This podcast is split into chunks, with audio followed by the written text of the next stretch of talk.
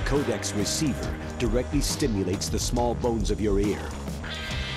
No one but you will be able to hear it. No one but you.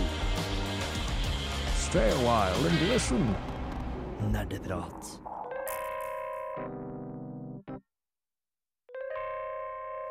Ja, du hører på eh, Nerdeprat. Eh, jeg heter Andreas, og jeg skal være din eh, guide, kanskje? Eh, Senpai. Senpai. Ja, å. Og det passer fint at du sier, fordi temaet for dagens sending Andreas Kuhn. Sean, kanskje til og med. eh, er uh, dating simulators og visual novels. Og da blir det mye senpai. Og så står det en sånn senpai og så den krølltingen. Hva er det det heter? Tøddel. Ja, Tøddel. Ja, jeg tror det er tøddel. Er ikke tøddel over sånne ord? Tilde, er det Tilde! ja, tilde. tilde. Eh, senpai tilde utropstegn. Er, eh, er. Men vet ikke hvordan du uttaler en tilde. Eh, med meg for å snakke om eh, visual novels og tilder og annen tegnsetting har jeg blant annet Stein Ottesen. Åse Maren. Renate. Chris. Og Torben. Det er kjapp, effektiv. Jeg er litt skuffa over at ingen av oss sa en japansk eh, etter G. Sånn, eh, Så weaboo er vi ikke. Christian, Renate Steinar, du. Hvorfor kan dere sånne ting? Nei, Jeg har sett litt anime. Hvert Eh, Jeg har sett all anime. all anime. Jeg tror, faktisk, jeg tror faktisk det er flysk umulig å se all animen. Altså det er faktisk det er sånn. Da må du sitte med sånn flere skjermer ved siden av hverandre og være konstant. Ta anime og få mat gjennom sånn tube inn i armen. Nice. Uh, Injiserer animekroppen din. ja, ja. Intravenøs. Please skift tema. Good lord, jeg føler meg syndig her det står, altså.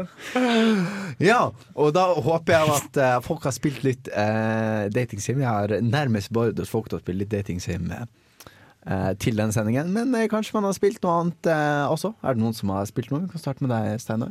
Um, jeg har ikke spilt så veldig mye nå i siste uka. Jeg har hatt veldig mye å gjøre eh, med konfirmasjonsundervisning og litt sånne ting. Eh, så det eneste jeg har fått lov til å spille omtrent, uh, fått tid til å spille, det er Plague Inc. på telefonen min. eh, som er et veldig morsomt strategispill. Ja, Det er det hvor du skal lage en sykdom, er det ikke? Ja, jeg skal lage et virus eller en soppspore eller noe som skal ta livet av hele menneskeheten. Laga du en sykdom som heter anime? Nei, jeg lagde, jeg lagde en soppspore som het um, Trump. Oh, yes, yes. Too real, too real. Jeg fikk ikke lov til å ta livet av hele menneskeheten, dessverre. Yet. Nei. De står på deg i Madagaskar. Det er alltid Madagaskar.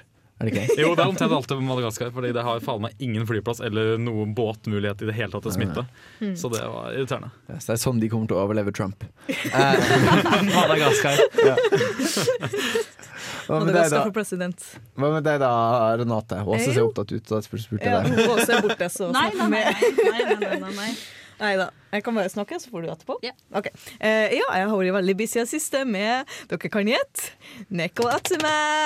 Er Det er, det er den katte... Kattespillet. Og ah. det Ah. siste så har det skjedd veldig mye, for jeg har gitt dem som potter de kan leke i. Og det er så søtt når de setter seg i pottene, for det er bare hodet og øynene som stikker opp. Og de setter og ser skikkelig gode ut, og de er Å så koselige. det er det posta bilde av her om dagen. Ja!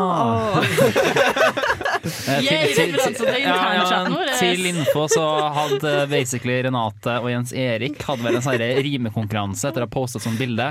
Og så kommer jeg inn etter sånn sju-åtte rim bare Combo breaker! Og Det, legger alt sammen. Da irriterte det faktisk genuint. Det var bare sånn, Jeg hadde en så skikkelig bra en. Sorry, ass. Skal jeg glippe av moro? eh, Det går bra. Jeg kjente opp en hund Uh, Sorry, det var en hund rett utenfor vinduet vårt nå. Um, men jeg kommer garantert til å legge ut flere bilder. Jeg liker at vi kommenterer bare alt som man ikke kan se.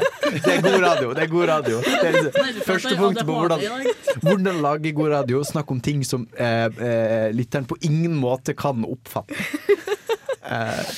Yes, Uh, Apropos, og så har jeg også spillet en eh, annet spill som heter Stardew Valley, og jeg har så mye jeg skal snakke om Stardew Valley en annen gang. Men å ja, just you wait. Men det er det jeg har gjort det siste. Takk som spør. Ja. Vær så, vær så god, kan jeg si. Vær så god. Deg også. Hva har du You can spilt? speak. So it begins. Der kom en oppdatering til det der Kendal og Kylie-spillet. Så jeg har gått mainstream i Hollywood! Er det, er det, er det liksom at du er trenda, på en måte? Å gå mainstream? Jeg har endelig fått over én million followers. Og vet du hva? Det er jævla hurpe i det spillet. Det er rivalen din som heter Aubrey Madison. Jeg har passert henne i followers. Jeg har hatt den questen der i helt siden jeg starta det jævla spillet. Hvor mange uker siden? Hvor mange uker siden er det Sånn jeg startet? Og siden det så har hun alltid vært 30 000 followers. Alltid vært 30 000 followers foran meg. Alltid. Hver eneste gang. Liksom. Og så I tillegg så har jeg spilt uh, Astoria. Jeg føler eh, Enda et mobilspill. Jeg føler mobilspillene har gjort sitt inntog i denne sendinga her. Um, som, er, som jeg har lyst til å snakke om uh, veldig mye senere. Fordi det er nemlig en, en Er eh, det Tales. Astoria Tales of the Great War eller noe sånt? Er det det det heter? Jeg mener, jeg har sett det på Steam. Er det på Steam òg? Det var det jeg skulle sjekke. Og så gjorde du ikke det. Dårlig. To sekk, to sekk. to sekk. Ja, for jeg, for jeg, jeg Ja, den heter liksom bare Astoria. Fordi jeg så liksom på Dating Sims-taggen på Steam. Og der mener jeg et eller annet Astoria kom opp. Men kanskje jeg tar feil. Eh, Og så i tillegg, og i tillegg, og i tillegg. det- jeg bare lyst til å nevne dette- fordi jeg har endelig slått uh, romerne i Siv 5. Kan vi bare Kan vi bare det er alle, en, nei, nei, nei, det alltid Alexander den store som er en drittsekk. Men romerne Er de kjipe òg? Okay, Ok, Det eneste jeg har skjønt fra Civilization eller Crusader Kings eller noe, er at hvis du kastet jødene ut av et Nei, land, så det- får du penger. Det er Crusader Kings 2. Hvis okay. du kastet jødene, så var det national tax modifier på minus 10% i sånn mange år. Uh, men det gode er at du får masse penger for det. Sånn typ masse tusen hvis du gjør det på rett tidspunkt. Men det jeg vet fra Civilization, er at Gandhi er en ordentlig drittsekk. Ja, Altså, er det er ting som er her, som, det er det som skremmer meg fra liksom å begynne med sånne spill. For plutselig vil jeg også snakke i et eller annet sånn jargon som ingen forstår, bortsett fra dem som har spilt det. Og bare sånn, ja, ja. Det var veldig kult. Jeg prøvde meg på det, eh, men jeg spilte jo mot en som hadde spilt det kjempelenge. Så sånn, nei, who knows. Og eh, da lurer jeg veldig på hva du har spilt, Chris. Men, Istedenfor ja, Crusader Kings. Istedenfor Crusader. Men det får du svar på etter at du får denne låten av Death by Unga Bunga. Dette er 'Strangers From The Sky' på Nerdeprat. Jeg blir alltid usikker sånn hm, Er den låten egentlig ferdig? For sånne låter som er litt rare, de blir ofte sånn plutselig sånn En, så det er sånn Kan jeg snakke nå? Kan jeg snakke nå? Men nå kan jeg snakke. Nå er den ferdig. Jeg kan det. Kan jeg? Men hva har du spilt siden sist, Chris? Uh, jo, jeg har spilt uh, altså Nintendo Jeg tror faktisk bare Ixala er de eneste som har faktisk svart på e-posten min om anmelderkopier. Så de har jo regna oss på med masse anmeldekopier i det siste. Og nå tenkte jeg at ok, shit, nå må jeg kanskje begynne å gå gjennom alle spillene vi har fått. Og et av dem er Mario Luigi Paper Jam Bros. Uh, den nyeste installasjonen i Mario Luigi-serien. Den som er utvikla av Alpha Dream. Som det, det eneste de har laga, er Mario Luigi-spill. Det virker som at liksom, de har satt seg bare liksom på sånn her idémidlingsmøte Bare sagt sånn Fuck it, nå har vi laga spill om det, det og det. Hva gjør vi nå? Og så bare sånn ser de seg rundt og så er sånn Paper Mario! Det er kult! Folk liker Paper Mario. Vet du hva vi gjør? Vi tar Mario, Paper Mario, bam!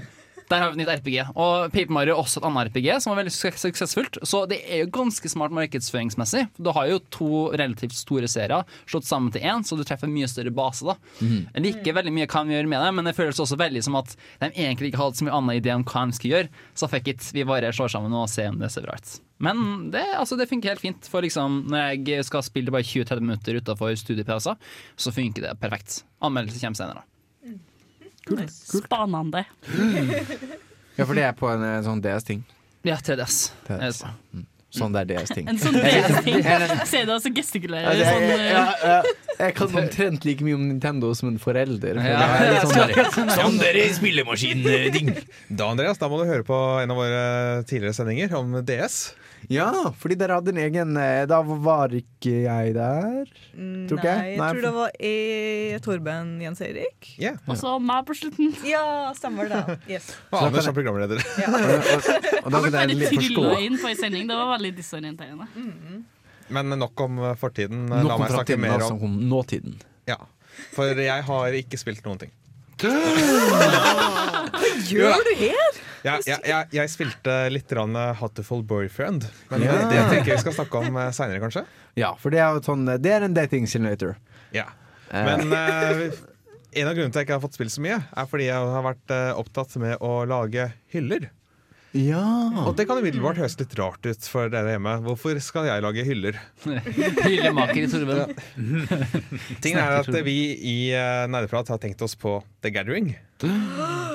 det store LAN-festen nede i Hamar i påsken. Og nå har vi hi- hivd oss på hyllekjøret, vi også. Vi lager vår egen hylle for å få plass til mye mer på plassen vår. Og hva får du når du setter sammen fem, seks, sju negler til å bygge en hylle når de aldri bygga en hylle før? Kaos. Men får du en hylle eller ikke? Det er jo det som er Ja. er det viktigste spørsmålet her. Følg med. Jeg filma litt, så det, det kommer. En developer diary hvor dere developer Ja, en hylle. development dogs. Today we fix the bugs. Du-du-du-du-du. Uh, now the shelf doesn't fall down anymore. That's nice. Kan du åpne kildekode på en hylle? Eh, Spennende å se. For det har vært sånn dritlenge nå at jeg har sagt sånn Nei, jeg er opptatt av Å, hva skal du i dag? Nei, jeg skal bygge hylle. Og folk bare ser rart på meg bare Hva faen? Å ja. To the gathering! Slapp av. Det, det, jeg har nerdealibi, liksom. Det er, ikke, det er ikke bare fordi jeg har begynt å bygge hyller. Nei, jeg har, um, jeg har spilt litt uh, Panza Models, eh, som er et datingsimulator som jeg tror jeg må forklare senere. Du må forklare veldig mye. forklare. Veldig mye. Ja. Eh, men jeg har også begynt å spille mye Xbox i stuen, og det er veldig koselig. Det hadde jeg glemt hvor koselig det var, fordi eh, jeg har veldig mange Xbox-spill, men en død Xbox. Og så fikk jeg Henrik eh, innringel sin Xbox, for han brukte ikke den mer. Så puttet den i stua. eh, og bare sitter og spiller Halo i stua, og så er det noen som lager middag og sier sånn Ok, kan jeg slenge meg med på en runde Halo? Og så slenger de seg med på en runde Halo. Og det er veldig sånn koselig og, og på en måte eh, Fordi når man spiller på PC, så blir man veldig ofte sånn inne på sitt eget rom, atskilt fra alle andre. Ja. Veldig hyggelig å, å spille på en måte out in the open. Så kan folk bare slenge seg på. Litt sånn. Blast from the past uh, også. Ja, Med tanke veldig på at eh, det er også gjerne, Hvis det er Xbox 360, Mm. så er det også spill som folk har spilt for en del år siden. Ja. Så er det gjerne folk som 'Å, det der husker jeg! Å, det der var gøy!' Kan ikke prøve å gjenopplive noen av de minnene? Ja, så det er klassikere som Halo Reach har spilt, og det første Modern Warfare, altså Cove Duty 4 har vi spilt. Det er veldig gode spill. Uh, man på en måte det er fort å glemme hvor, eh, nesten hvor revolusjonerende det var å lage en eh, first person shooter om noe annet enn annen verdenskrig. Det var, men det var det en gang. Eh, nå er det oppbrukt igjen. Eh, men eh, det en koselig sånn nostalgitrip. Eh, men, eh, også, men det er kanskje Panza Models som er det morsomste spillet jeg har spilt inn sist. Men det skal du få høre mer om eh, siden. Nå skal du få eh, DC Death Race med Blood On My Leather før du får spillnyheter her på Nerdeprat.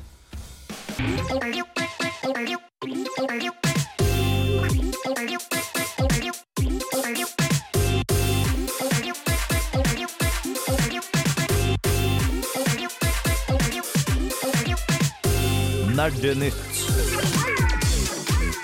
Og da setter vi over, da setter vi over til dagens eh, nyhetskorrespondent Torven Dahl. Ja, hei! Hyggelig å bli introdusert. Jeg har eh, vært eh, ute på og lett etter nyheter. Det vil si, jeg har gått inn på gamer.no. Neida, eh, jeg har litt av hvert av nyheter. Ting som har blitt annonsert. Ting som har blitt annonsert. Det er flere ting som har blitt annonsert. Folk som skal ta en titt på ting. Og noen mer håndfaste nyheter også. Må må må ha noen av dem også. Men eh, jeg tenker aller først så kan vi jo bare ta en kjapp nyhet om at Final Fantasy eh, 15, blir det det? Ja. Jeg kan ikke XV. Eh, XV, som det heter. Den har eh, ikke nødvendigvis fått en dato. Fordi at eh, den 30. mars skal Square Enix løfte på sløret og fortelle oss når Final Fantasy 15 endelig kommer ut. Men er det blitt en greie nå at man ikke har en lanseringsdato, men du har en dato der de annonserer lanseringsdatoen? Ja, Ja, det, er litt, det er litt det samme okay. som dekknavn på russebusser. Så det tok veldig lang tid før jeg skjønte. For det er også sånn man kommer med ett navn først, Ok? og så det, Men det er et dekknavn, så det er ikke det ordentlige ordentlige navnet. Det er bare et navn for å tenke at å, det, det, bussen her kommer til å bli kjempeteit, og så og, så, bare og så kommer det ordentlige navnet etterpå. Så det er det samme at man, man annonserer annonseringen. Why? Altså, sorry, Og så er det gjerne sånn at det på en måte Det er en sånn countdown til annonseringen av annonseringen. Og hun tar det gjerne helt ut òg. Jeg har noen venninner som hadde sånn dekknavn der de kjøpte inn capser og genser til et navn de virkelig ikke skal bruke engang. Og så skal de kjøpe samme genser og samme capser på nytt med det ekte navnet. Det hadde de to ganger. To dekknavn. Jeg tror Chris er litt Hvis eh, vi skal løfte stemninga, så er det rykt, Det er allerede rykte som er ute og går okay. om at det spillet skal lanseres den 30. 30. september. Er, er det noen her som er sånn Fine Fancy-folk? Jeg brukte å være det. Altså, det, det, det er litt vanskelig å si akkurat det. For liksom, jeg føler at jeg synes at noen av Final Fantasy-spillene er bra. Men veldig mange er altså crap. Helt enig. Uh, så det er liksom Du kan ikke si like til Final Fantasy-serien som oftest. Som vanlig er liksom den ene spesifikke. Ja. Men i siste så har det ikke vært For- noe enda. Jeg, jeg sitter på en måte inntrykk av at de som er litt eldre enn meg, har eh, et mye sterke forhold til Final Fantasy. De som Mm. vokste opp med Final Fantasy 7 og sånt, eh, går opp og tenker Eller går og tenker at Eller sier ofte at ja, Final Fantasy, den, den serien, liksom. Mm. Men for meg, så jeg har aldri vært borte. Jeg har bare, jeg har bare vært, spilt Nintendo-spill. Jeg, jeg har ikke noe forhold til Final Fantasy. Jeg er veldig sånn Jeg følte at serien tapte seg når de begynte å cater til sånn 13 år gamle gutter.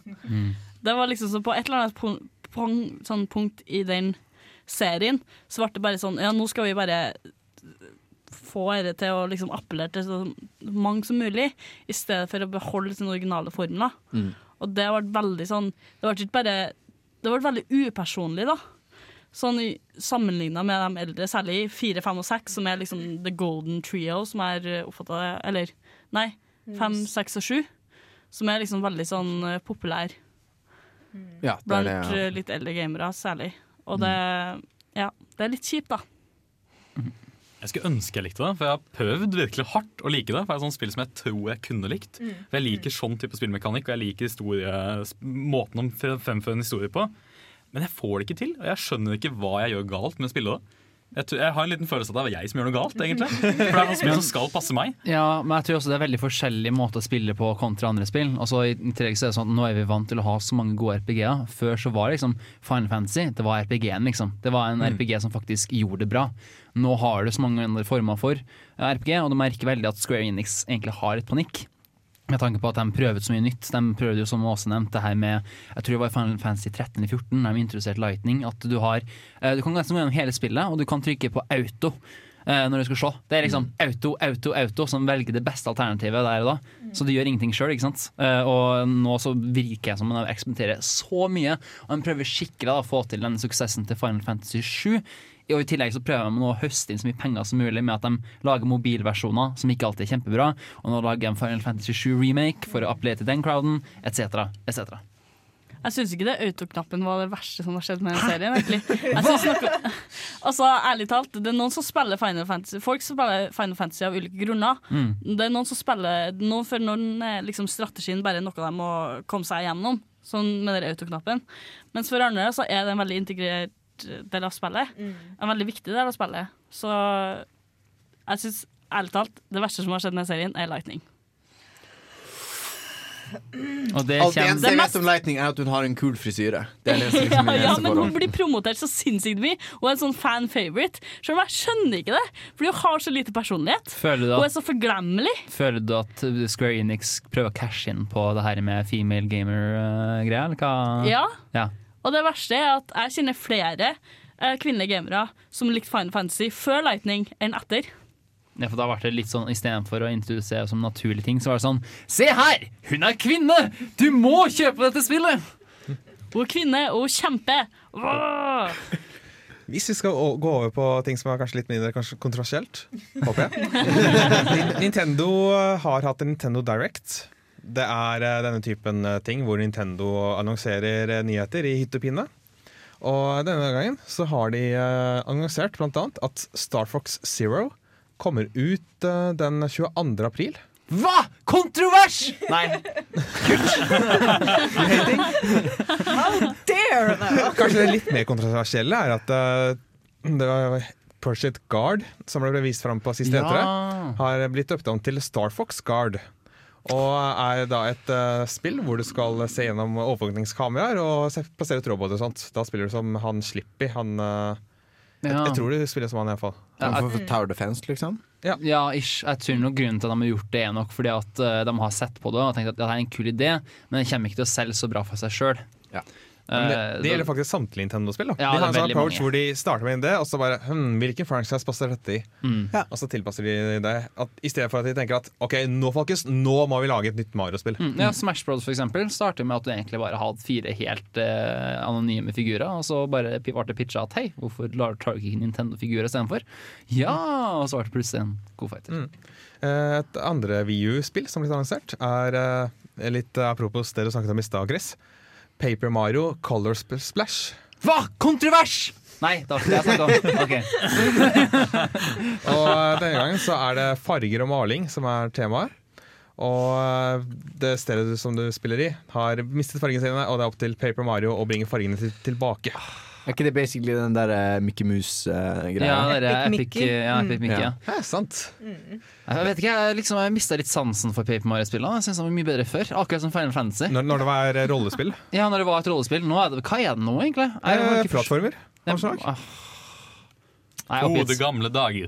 Ja, men he- helt ærlig, hvis du vil ha en virkelig god RPG-opplevelse, og du ikke er så fan av de fleste RPG-er, prøv ut uh, Paper Mario som kom på Nintendo 64, som kan kjøpe på Virtual Store nå. Eller prøv ut uh, Paper Mario The Thousand Year Door. To kjempegode RPG-er. Anbefales.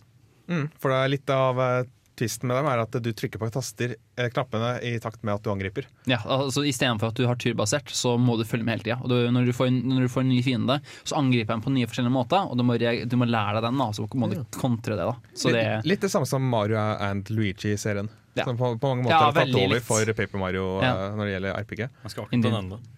Og eh, vi på 3DS, det er enda flere spill som blir annonsert. På 3DS så kommer, kommer det nytt Kirby-spill. Planet Robobot. Hvor, eh, Nei, det kan ikke Rob, rob, rob, rob. Robotbots. der du har eh, Hvor roboter generelt er den nye tingen. Ja, og det er ikke bare roboter, men eh, Det er over robot. Nå er det bare robåter. ro, rob. robåter. Ja, Kirby med Robot, roboter. Yes. Roboter som er roboter. Ro robotbåter. Hva- yes. Wow. Okay. Too deep! Too deep! Le- Too deep. Fire Emblem Fates, Birthright, Conquest, Revelation. De tre variantene av Fire Emblem Fates De kommer ut De har endelig fått dato her i Europa. Er det, er det litt sånn Pokémon rød og blå, liksom? Som Ikke spillmessig? Nei. Nei, altså jeg mener liksom siden det er Birthright slash eh, Conquest slash Revelation. Det er faktisk ikke helt. Fordi at eh, De har rett og slett laget et spill, og så endte de opp med å si Hei, dette her spillet det er litt mer enn bare ett spill. Og så har de separert ut eh, slik at eh, du får forskjellige deler av historien i forskjellige spill. Så rett og slett eh, de har på en måte laget et eh, spill som er st- De tre samla ville vært et større spill enn et enn et vanlig Så det er DLC, kind of? Bare Nei, du det- betaler full pris for det. Det er, det er to, det er to helt Det er, det er to eh, på en måte separate historier som fortelles. Og Conquest er vel det vanskelige i hermetegn. Hva sa du? Conquest er vel det vanskelige i hermetegn. Ja, du har litt forskjellige vanskelighetsgrad og sånt på på dem. Hmm. Så de kommer ut den 20. mai for de som har uh, venta på dem. Altså Kanskje den kontroversielle delen her. Metroid Prime Federation Force kommer i, til 3DS sommeren 2016. Dette er Metroid Prime-spillet som eh, mange mener ikke er Metroid Prime. For- ja. okay. Da snakker vi om det spillet som ble eh, annonsert på E3, der eh, du ikke spiller som Samus Aran i uh, med et Metroid-spill. Men det er Metroid For at det som er litt av greia, er at vel, eh, som, som jeg forstår det, som å savne fansen et skikkelig fullbrods Metroid Prime-spill. da, For det har ikke kommet på en god stund. Jeg tror Other M var sånn OK akseptert, men der fokuserte de Nei, nei men jeg kjenner det. Jeg kjenner, det, ja. Eh, det står, alle sammen var skikkelig misfornøyd med storyen, og gameplayet var veldig annerledes, om jeg ikke tar helt feil. Misfornøyd med storyen. Og så er det så, jeg tror alt, alt som jeg har møtt som har spilt det der, er sånn Nei, jeg anerkjenner ikke dette. Det er som Star Wars prequelsene, liksom. Okay. Men altså, er det prequelsene, eller er det Christmas Holiday Special? Altså, det, skal, Det skal ikke nevnes. så savner fansen. Det var en referanse jeg ikke tok. Ikke heller. Men iallfall, fansen Takk og lov for det. Var det som er julespesialen som ikke skal nevnes. Hvilken julespesial? Åh. That Åh. which shall not be named. Mer eh, julespesial? Nei da. Mer, eh. Mer nyheter får du etter eh, at Rekvon og Kab Kabaka Jeg burde lese dette på forhånd. Rekvon og Kabaka Pyramid gir deg Be Inspired. Det var ikke bra at den hadde lang introtid, sånn at jeg rakk å være forvirret. Her eh, før, før du får flere nyheter på Nerdeprat. Ja. Og da får vi flere Ah, Nei! Nå slutter vi å spille, folkens. Vi dropper det. Da skal vi bare ha litt sekunder med låt som ikke har lyd. Uh, men du har flere nyheter til oss, eh, Torben. Stemmer ikke det? Jo, det stemmer. Der må vi finne dem. Klikk, klikk, klikk. klikk, klikk. Uh, Gamer.no. Bill Gates. Den er faktisk ikke fra gamer.no, men Polygon. Fordi at eh, Eller var det Kotaku? Kotaku, tror jeg. Ja, men denne, den, den nyheten så jeg faktisk med egne øyne.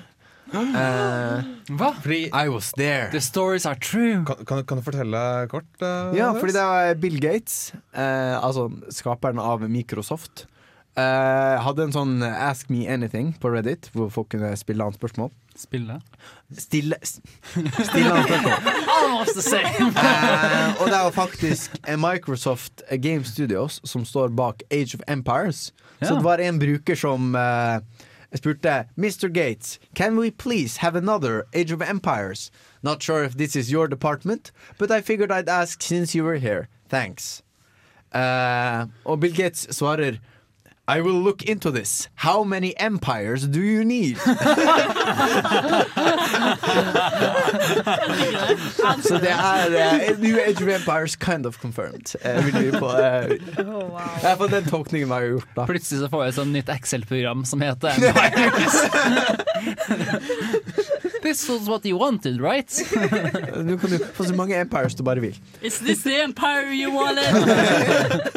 Men det er jo faktisk uh, kommet senest uh, Altså sent i fjor kom det jo faktisk en ny uh, Age of Empires expansion pack. Ja, til Age of Empires 2. Ja, ja, ja. Men er Så ikke de- det sånn ti år gammelt? Minst. Veldig Så, gammelt. så de, de holder jo fortsatt på der på en eller annen måte, og det er fortsatt folk som spiller det kompetitivt. Så det er, det er ikke dødt, da, men om vi kommer til å få en Age of Empires 4, det er spørsmål. Og hvis vi skal eh, holde oss på eh, gamle spill som eh, får stadig oppdateringer, så har Diablo 2, etter fem år uten oppdateringer, har Diablo 2 fått en oppdatering. Og denne oppdateringen gjør først og fremst at spillet fungerer på moderne operativsystemer, deriblant nyere Mac-utgaver. Men de planlegger at dette ikke skal være siste oppdateringen, og at det skal komme flere oppdateringer i vente. Diablo 2 er vel sånn 16 år gammel nå? Ja. Ja, men, ja, det er rundt 2000. Nesten like gammel som Ifølge ingressen der, så er den 16 år gammel. Uh, og jeg synes det er veldig, veldig, veldig kult at, at eh, Blizzard tar ansvar og tar vare på sine gamle spill. For det er veldig ofte at måtte, hvis man ikke lager støtte, eller sånn, så blir ting bare glemt. Og så finnes det ikke maskiner som kan spille det lenger. Og hvis man ikke har åpen kildekode, så er den ikke kildekoden tilgjengelig lenger. Uh, og så blir det bare glemt og tapt. Så, Men Blizzard tar litt ansvar. De har på en måte en egen De har liksom ansatt egne ingeniører som jobber med å holde styr på at gamle spill fortsatt kan spilles på, på ny hardware. Så Det, det, det syns jeg er kjempekult at de gjør. At de, ikke bare at de tar vare på kulturarven, men at eh, de, de hadde ikke trengt å bruke penger på det der. Nei. Men jeg tror bare vi, det er litt, nok et eksempel på at Blizzard eh, de, de gjør, ta, gjør seg flid med ting. ting. Ja, og så er det jo er grunnen til at de har de mest populære spillene. Da. Det er jo for at de holder seg jo på topp. Ja, ja, og, det, og, om det er gamle spill. og, det, og det er jo et kvalitetsstempel at folk spiller jo etter fortsatt. Ja. Fordi Diablo 2 er kjempebra. Eh, hvis vi skal gå fra gamle spill til spill som ennå ikke er blitt lansert, så ble det 3. mars delt ut eh, tilskudd fra Norsk Filminstitutt. Da tenker man kanskje at eh, Norsk Filminstitutt, hva har det med oss å gjøre? Men eh, saken er den at de deler ut eh, tilskudd til norske spill også, ikke bare norsk film. Og det interessante her er ikke bare hvilke spill som får eh, tilskudd, men også det at eh, vi ofte her får høre om nye spill som eh, får eh, tilskuddsspill som vi ikke har fått hørt noe særlig om. Så blant eh, spillene som har fått Jeg vil gjerne trekke fram to stykk. Du har eh, Red Tread Games, som er kjent for Dreamfall Captures, og eh, hva heter det nye Draugen, som de også ja. utvikler. De har fått eh, 975 000 kroner til eh, spill ved navn kodenavn Svalbard. Og Det er et rollespill for én til flere spillere, satt i øya Spitsbergen i en postapokalyptisk fremtid. Vi kommer til å se at man kan ri på en isbjørn. Jeg lover deg. Jeg ri på isbjørn. War, war never changes. Jeg vil bare, kan jeg bare sende ut et en, Kan jeg bare be Red Thread Games om noe? Jeg har spilt spillet deres Red Thread Games, Dreamfall Chapters. Jeg har spilt alt. Og det jeg reagerer på Dramatisk Kan suspensstillhet. dere bare Vær så snill, kan dere i stedet bruke de pengene på å lage bedre grafikk til Dreamfall Chapters? Fordi det spillet ser ut som noe som ble laga i paint i liksom 1995, og det irriterer meg så sykt, og det ødelegger for historien. Kan, OK, bare Så du vil ikke ha kodenavn Svalbard, en postapokalyptisk rollespill satt til Spitsbergen? Nei, men det, det som er greia, er at Det er så mange kule ord i en setning! Spitsbergen, Svalbard Nei, men, Nei, apokalypse. altså, Dreamboat Chapters er bare Det er så bra, men grafikken er så dårlig! Ja, men altså, jeg tror igjen, her er jo litt med uh, Skyt meg i foten hvis jeg sier noe feil, men uh, altså Det er jo litt sånn tilstand med at når du er et lite selskap, så har du ikke all vaskens penger til å lage god grafikk heller. Altså, Du kan vel kanskje bruke Unreal Engine, men nå må du vel punge ut ganske mye. eh, hvis du skal faktisk bruke det i spillet ditt. Det, ikke- det ser ikke automatisk bra ut også. Nei, det, du altså, må bruke og. Ja, ja. Så, du må fortsatt gjøre Ja, uh, gjerne. Så liksom, for hvis de kunne gjort det, så ville jeg at de skulle ha brukt mye tid på det. Men da må du ha et ganske stort og kompetent team, som blir dyrt. Uh, og jeg vil heller at uh, norsk spillindustri produserer flere spillmekanisk gode spill, enn at de produserer ett spill som ser bra ut. For at det krever så mye mer arbeid. Uh, og ja. Ja, men det jeg tror er at grafikken sånn d- Mange folk ser på et spill, ser grafikken og tenker Nei, her er gammelt, eller her gidder jeg ikke å bruke tida på. Så det er derfor jeg vil at et så bra spill skulle ha fått en slags sånn overhaling eller en remake i framtida. Fordi jeg tenker at det er så bra historie, det er så gode karakterer, det er så bra atmosfære at det blir kasta Altså, det, det er så typisk for norsk eh, spillindustri at det er så mye bra, og så én ting som de gjør, de gjør dårlig, og så bare forkastes spillet i øynene til mange. Kan jeg si en ting? Final Fantasy 13. Det ser bra ut. Det er ikke morsomt. And it's worse. I promise you it's worse. Ja, men det er ikke, en måte, det er ikke en slider, altså enten-eller. på en måte Nei, Ja sant. takk, begge deler. Ja, Ja. hvis det er mulig. Mm. Og lønnsomt. Altså, jeg skulle nevne to spill som har fått uh, tilskudd. Det andre spillet er eh, laget av Krillbite, kjent for uh, Magnus Sleep og for å ha Jon Cato Lorentzen som eh, CEO. Uhu, det er bra. Det er Det er to viktige ting. De har eh, Our nemlig CEO has a beard. Og de har fått én million kroner til å utvikle et spill kalt Mosaikk. I, eh, og det de skriver om Mosaikk, er at eh, i Mosaikk lever du et monotont liv i en kald by. Hver dag er lik den forrige, og du har ingen mål eller mening i livet. Helt til en dag der alt endrer seg. Dun, dun. Og det skal være et mystisk 2,5D adventure-spill. Det vil si at det er i 2D, men med litt 3D-bakgrunn og sånt. Men det skal ha unik historie, visuell stil og nytenkende lyddesign. Atmosfæren vil, også, atmosfæren vil uh, i dette spillet, i likhet med Magnus Sleep, spille en sentral ro- rolle. Så Det, det virker veldig stilig å på en måte utfordre vet ikke, jeg syns det er interessant med spill som tør å være litt kjipe, fordi de har et, et budskap gjennom det å være litt kjipe. Altså At ikke Mm. alt skal være direkte morsomt hele tiden. Ja. Syns jeg er interessant. Det blir spennende å se. mm. Hvis vi Nå har vi brukt mye tid på nyheter, men eh, hvis jeg kan ta, ta en kjapp nyhet til. Kontrovers! Det er litt kontrovers dette her, Oi, Chris. spennende. Fordi eh, PlayStation VR har fått en veiledenpris. Ja, herregud. Den yes, lyder på 399 euro. Og slippes verden over eh, oktober 2016. Brillene også. Så i norske kroner så har gamer.no regnet ut at det blir rundt eh, 3700 kroner. Til sammenligning så er Oculus Rift koster rundt 7000-8000 kroner å kjøpe, og Vive koster vel 9000 kroner å kjøpe. Ja. Så det er jeg spent på, er liksom hva den faktiske produksjonskostnaden til eh, PlayStation 4 VR-briller. For det jeg tenker er at den reelle prisen er nok ganske så mye høyere, men Sony har hatt liksom sånn tradisjon før med masse av sine teknologier. De har jo introdusert masse standarder. Og jeg tror nok grunnen til at de setter den så lavt, er for at de kan, og for at det kan sikre at de får en mye større andel av markedet. Bør kanskje også nevne at uh, du også trenger PlayStation-kamera Yeah. for å bruke Mm. PlayStation VR.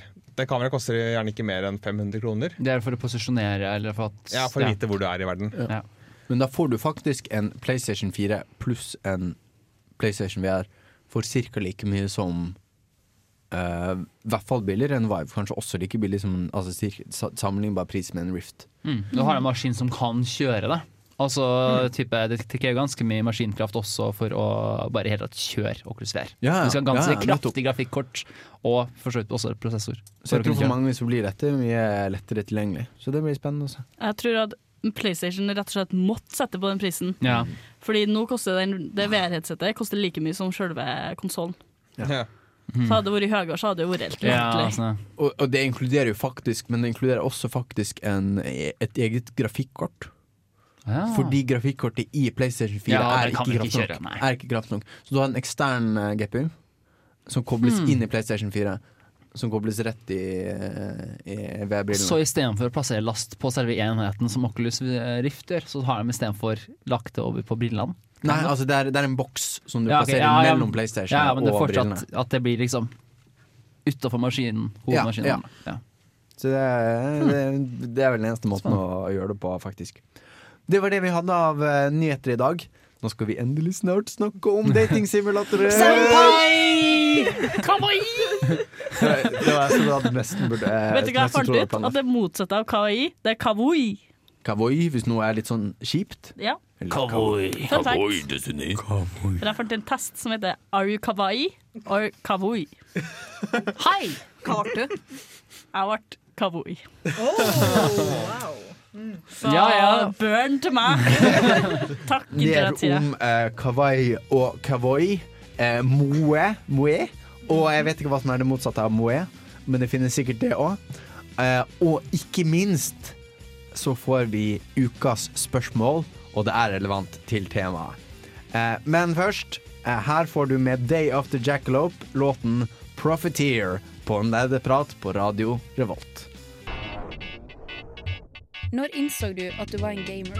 Dersom du kunne spilt kun et spill i et år Hva er det eldste spillet i backloggen din? Og du var på en øde øy i helvete mens du var 11 år gammel Hva har du lært fra spill som du har fått nyte av i hverdagen? Er det et spill som har hjulpet deg gjennom en tung periode av ditt liv? Hva er ukas spørsmål? Hva er det? Ja, nå lurer dere. Eh, jeg lovet at dette skulle være relevant til uh, datingsim-temaet, og det er det. Fordi ukas spørsmål er Hvem er din waifu? Når du sier waifu, så tenker jeg med en gang på, på ingeniørkompisene mine som nå er på tur til Japan. Og før de dro, så sverger de på at de skulle kjøpe meg en waifu-pute. Selv om jeg sier nei, for God's sake, no, don't do it. Men, hvem vil du ha på din waifu-pute? Vil jeg ha noen på min waifu-pute? Du vil ha en waifu-pute! Åh. Du skal få en waifu-pute. Okay, men, ok, men for klarhets for skyld- men klarhets skyld, hva er en waifu? Hva er en waifu? Det er når du på en måte erklærer om Stort sett om en fiksjonell karakter. Så sier du 'den fiksjonelle karakteren er liksom min'. Så er crush, på en måte? Ja, og det er liksom at du wifer, ikke sant? Og, du kan, Ja. og så putter du Mm, en ja. U på fordi det ofte er japansk. Og du kan også si 'husbandu'! Husbando! Do. Fordi du velger um, et eller annet sikkert Til do. grammatikk, kanskje. Til do, for det er Husbando. shit. Og nå blir Chris oppringt. Eh, Og nei, mamma, ikke nå. Seriøst. Sett deg på på Ja, lufta! sett deg på. Hei, mamma! Hilser Trondheim! Ah, sorry. Jeg hadde skrudd av på flymodus, men ikke wifi. Wifi. beklager det der. Men eh, nå har du unngått spørsmålet lenge nok. Chris.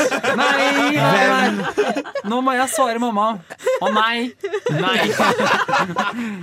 No!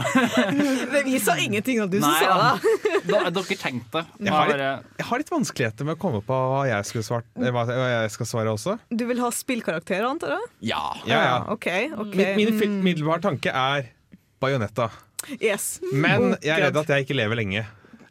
Men, Hvis- men kan det kanskje være verdt det? Altså Hmm. Noen øyeblikk i Jeg vet ikke om himmelen eller helvete er riktig begrep når vi snakker om bernetta helvete blir det vel.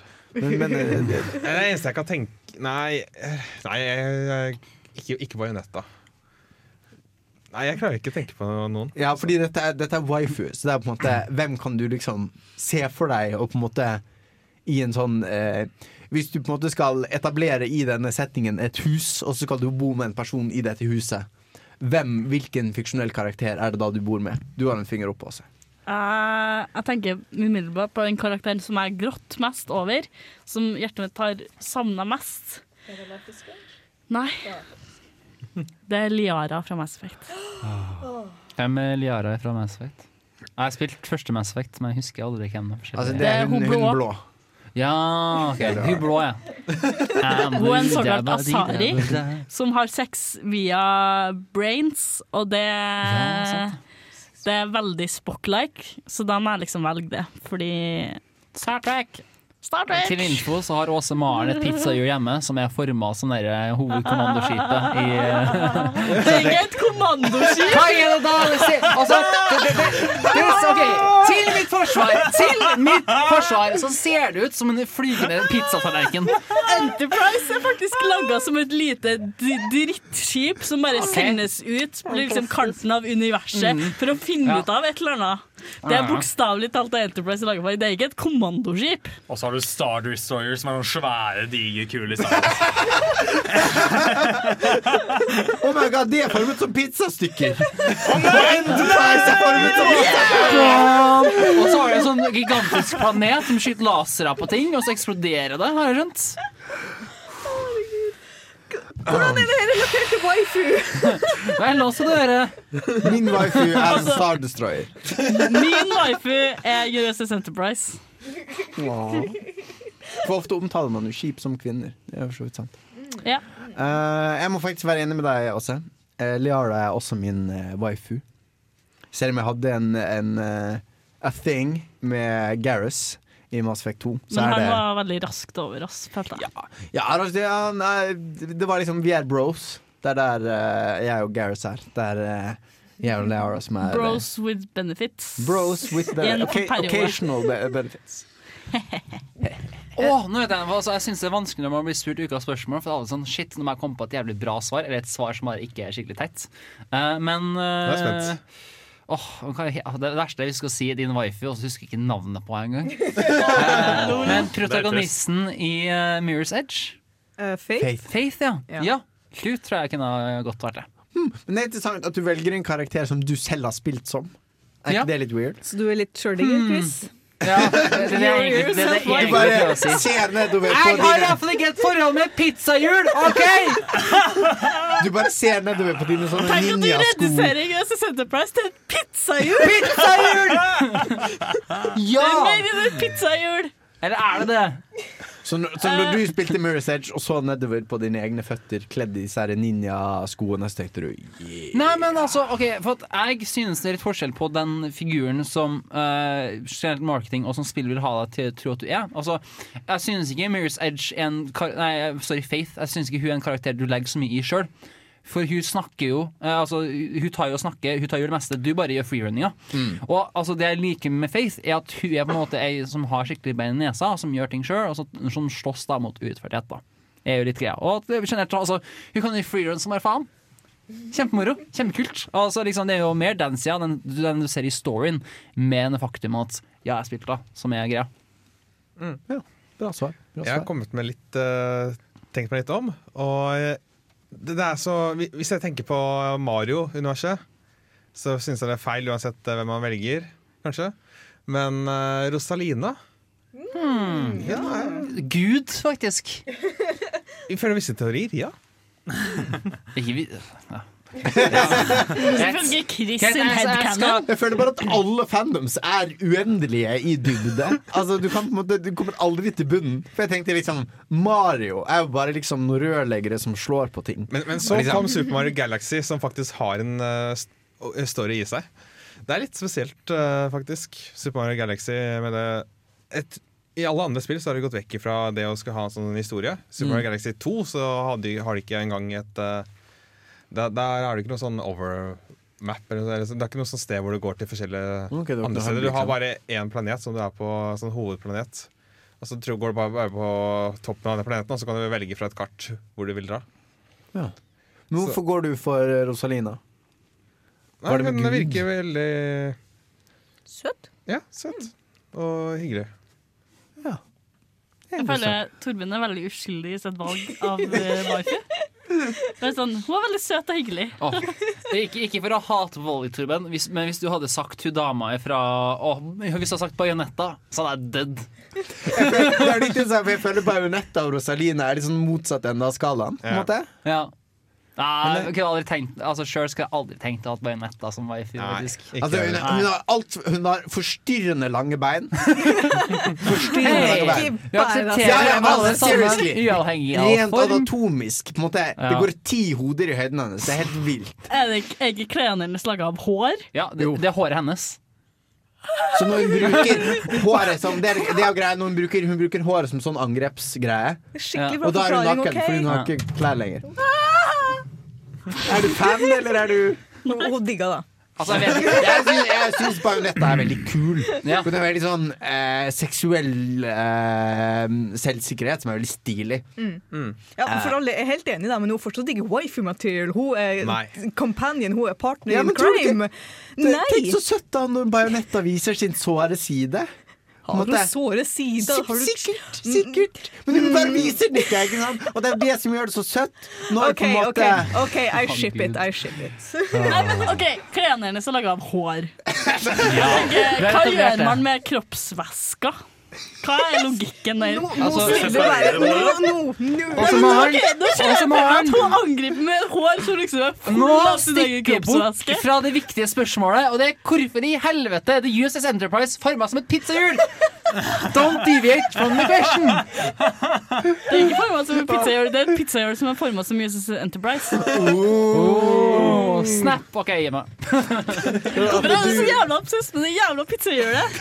Sorry, da. Er Men det at en du ser ut som du har holdt på å begynne å snakke ganske mange ganger. Og så har det kommet pizzahjul. Ja, men herregud, jeg vil gjerne Jeg kan, jeg kan tie stille så lenge, da, for han her to får lov å ha sin rant, altså, for det her er, det er I'm shipping it. I'm shipping it. Gull er gull.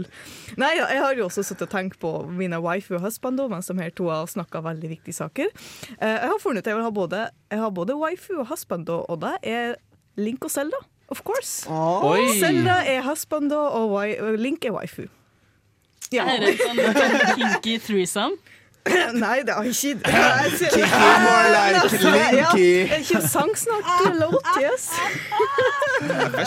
En Nei, du kommer med Ja, eller det var min, eh, men vi har én igjen. Alt har bygget opp til dette øyeblikket. Steinar. Oh, nå fikk jeg Hvem press, ass. Steinar din senpai. Yes.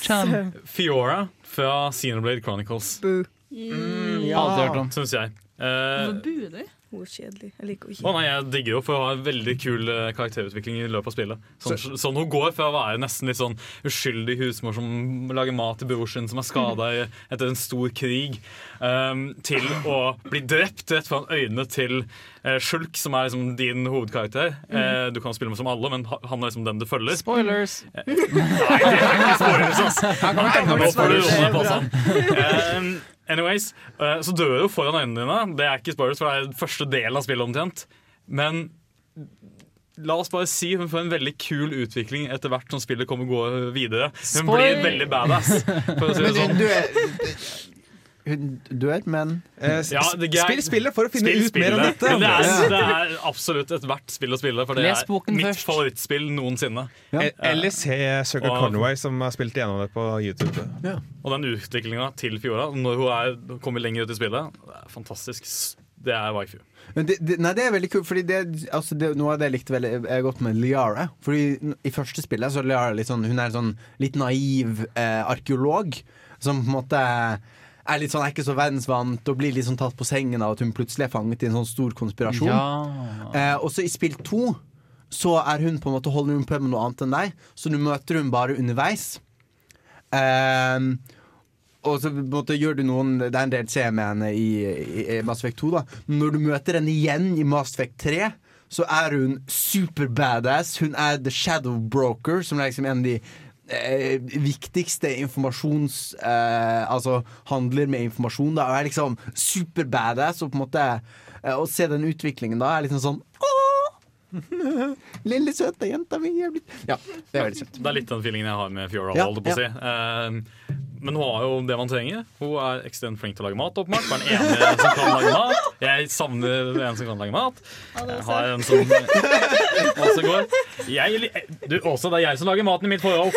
Anyways. Det kan også tilbake igjen. Um, være etter hvert så blir hun så badass og selvstendig, og en av de, absolutt en av de tøffeste karakterene i spillet. Og jeg spilte som henne hele tiden etter at hun ble, ble en spillbar karakter. Kult. kult. Jeg er veldig eh, fornøyd. Du, har, har du en eh, Altså Snill, morsom og familieorientert. Nå tenker jeg bare Prøver du bare å plage oss? her? Er det det? Nei, jeg vet ikke hva ja, men jeg tenker Jeg har så lyst på små, blå babyer. That feeling when Det- du aldri vil få små blå babyer. Det er så fordi all, all- unger født av en asari blir asari sjøl. Ja. Så det er sånn de, små, Fordi gengreiene gen til Asari er altså at de, de spleiser ikke genene, de bruker på en måte genene fra den andre til å remixe sine egne gener, på en måte. Hva slags prioritering er det å ha i kona di? Å, du kliner med blå babyer. Vi må totally bang, ikke sant?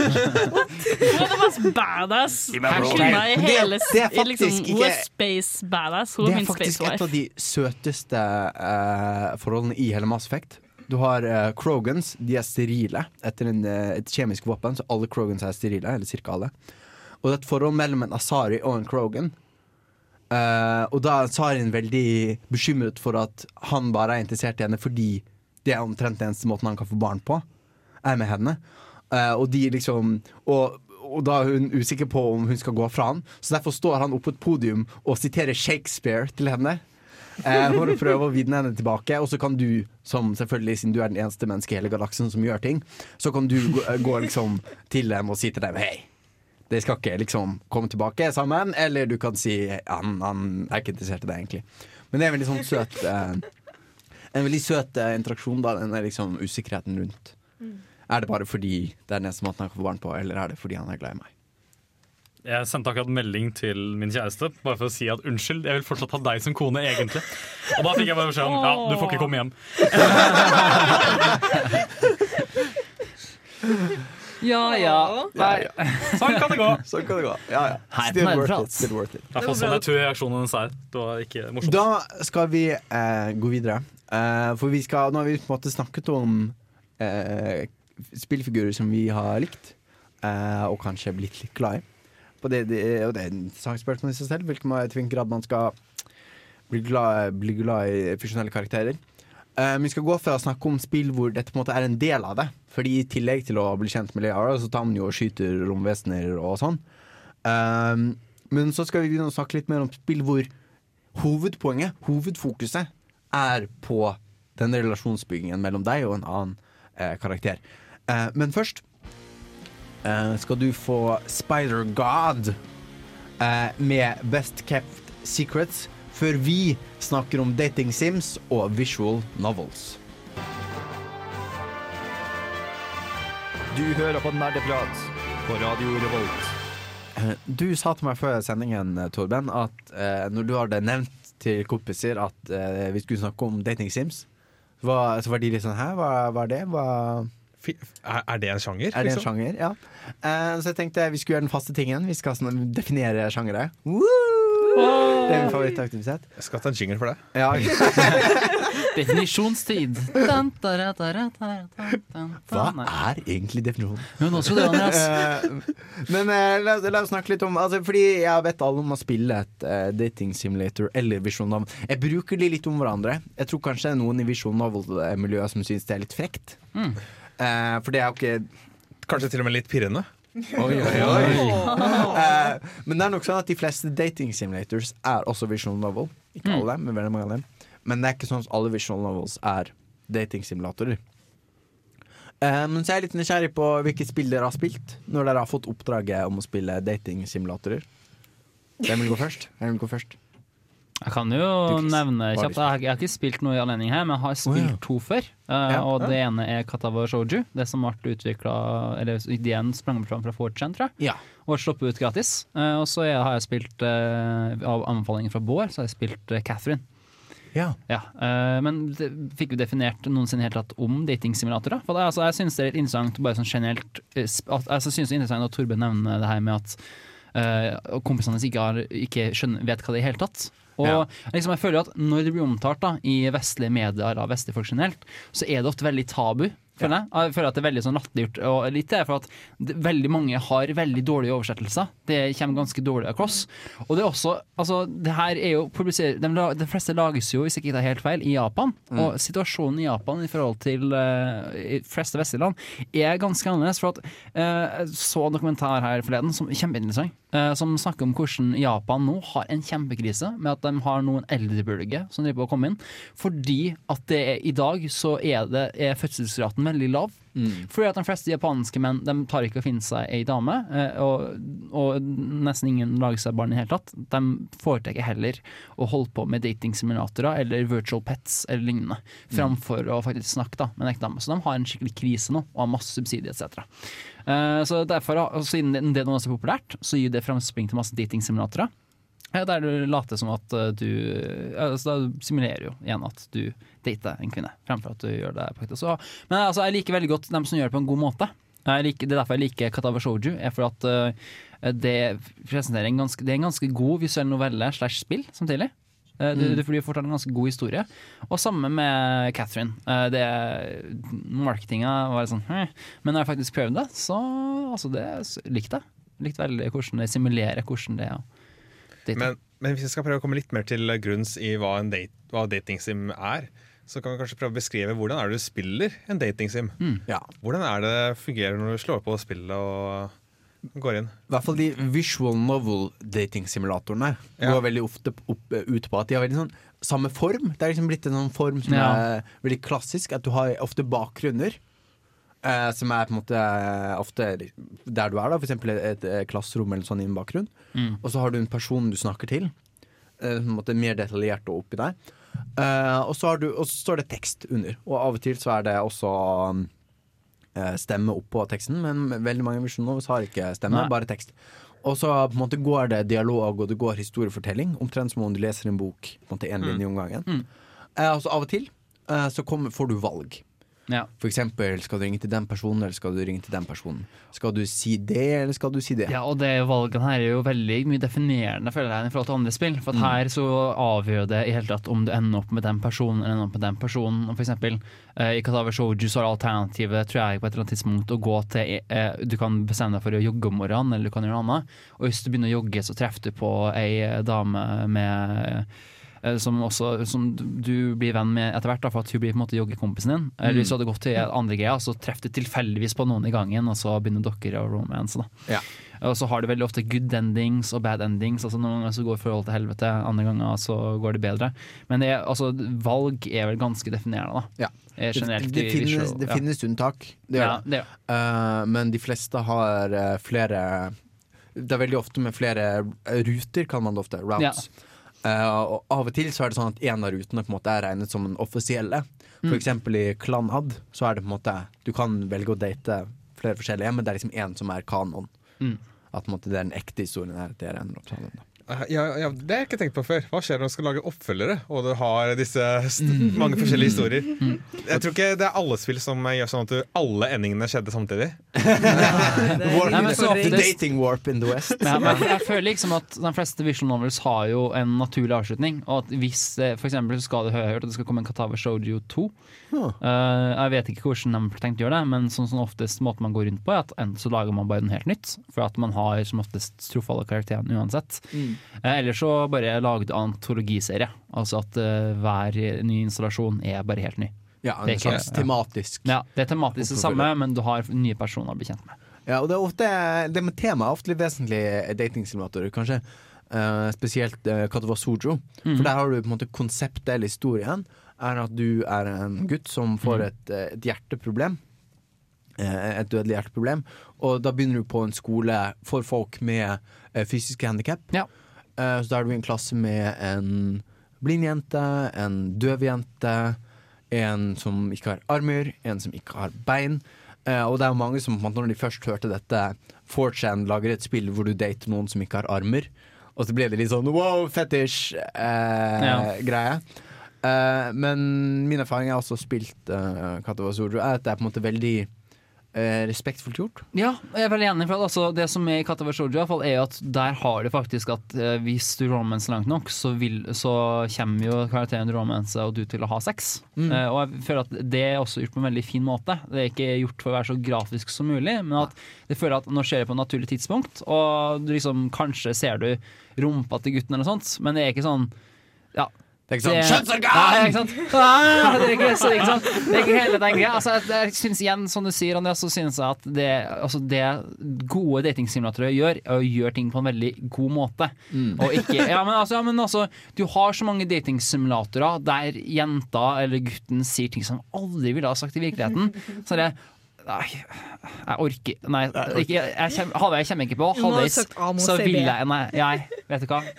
Jeg vil ikke. Det er altså Spill en dårlig datingsimulator, og du kommer til bare å Iallfall gjorde jeg det. Rive håret over at dialogen bare ikke klikker i det hele tatt. Og det er jo så viktig. For at, som sagt, som nevnte tidligere, strukturen er at det er generelt, du har den samme bakgrunnen, og så kommer den nye karakteren hele tida. Og er ikke den dialogen på plass, så er liksom mesteparten av datingsimulatoren borte. Og det er derfor jeg kanskje liker Katawa Shoujo ganske bra. For at den er jo laga ikke bare med tanke på japanske audiences, men det er også tenkt på folk fra forskjellige bakgrunner. Ja, det er interessant at man har, man har en veldig sånn japansk Det er en veldig japansk spillsjanger, men så har den blitt på en måte adoptert av Vesten, og det produseres nå på en måte for Vesten, av Vesten, eh, Vision Novels etter japansk stil. Mm. For eksempel Katwa Sojo, som er laget etter japansk stil, men av vestlige for vestlige. Spillet jeg spilt er jo laga av vestlige i japansk stil. Ja. Um, som, heter, som er veldig sånn anime, som heter Hustle Cat. Som jeg skal snakke om senere. Hustle Cat? Hustle Cat. Ja. Handler det om katter? Det handler om katter. Og det handler om en kattekafé. Og det er masse katter oh, ja, det har jeg i hørt det. om. Og det er katter med sånn Ja, all Nei, jeg skal snakke om det senere. Men eh, jeg føler vi har fått litt klarhet i hva en, uh, hva en datingsimulator og hva en visual novel er. Eh, for altså, Visual novel er denne formen vi har snakket om, med både tekst og sånn. Og når disse eh, hovedsakelig handler om det å, å bygge en relasjon til en annen person, eh, og date, da, så kaller vi det en datingsimulator. Kanskje litt nedsettende, men det er for eh, eh, begrepet man har Det- eh, kommet om. Jeg vil snakke mer om eh, kanskje spesielt hvorfor det er blitt tabu, som jeg syns er interessant. Eh, men først, eh, med Bon Iver, her har du Heaven Mass. Ja, da var jeg plutselig på. Jeg var midt i en, eh, midt i en utredning om forskjellen mellom science fantasy og space opera. Eh, men det får vente. Og eh, hvis, hvis du har lyst på å svare på dette spørsmålet, så får du bare vente. Eh, nei, fordi jeg vil snakke om hvorfor datingsimulatorer er tabu. Mm. Eh, jeg kan bare begynne med den første. Er det fordi det er sex i dem? Spørsmålstegn? Ja, men jeg, jeg, føler jo det liksom det er altså, For oss iallfall, så igjen så føler jeg det sånn kulturforskjell. da Sånn som den tidligere her med at det er mer vanlig i Japan uh, kontra Norge. Men, men er det ikke tabu i Japan? Japan? Tror ikke det? Det er mye mer akseptert, iallfall. Ja. Det er det. Uh, og igjen, det er jo et solid problem i Japan. Men hvorfor det ikke er akseptert i Norge? Altså, for noen så er det vel kanskje pga. at det er formert så stilistisk etter japansk greie. At du kanskje at du snakker med jenter som har overproporsjonerte former og Mm. gigantiske øyne og sånt. Kanskje det har noe med saken å gjøre? Ja, og litt sånn, nesten litt sånn barnsliggjort eh, form. Ja. Men jeg føler også at liksom, de fleste der det parodieres på YouTube, blant annet, er jo når uh, igjen dialogen er dårlig. Mm. Og det er sånn her, det her ville aldri en person ha sagt i virkeligheten. Jeg føler at Det er da som oftest blir tabu. Og så forbinder folk det med altså det, det føler jeg at folk har en forbindelse med dating sims, er at det er bare de dårlige. De har ikke vært borti noen av dem som faktisk er litt bra, og som er litt voksen. De har bare vært borti dem der Å, senpai, take me now. Og så er det sånn eh, OK, greit.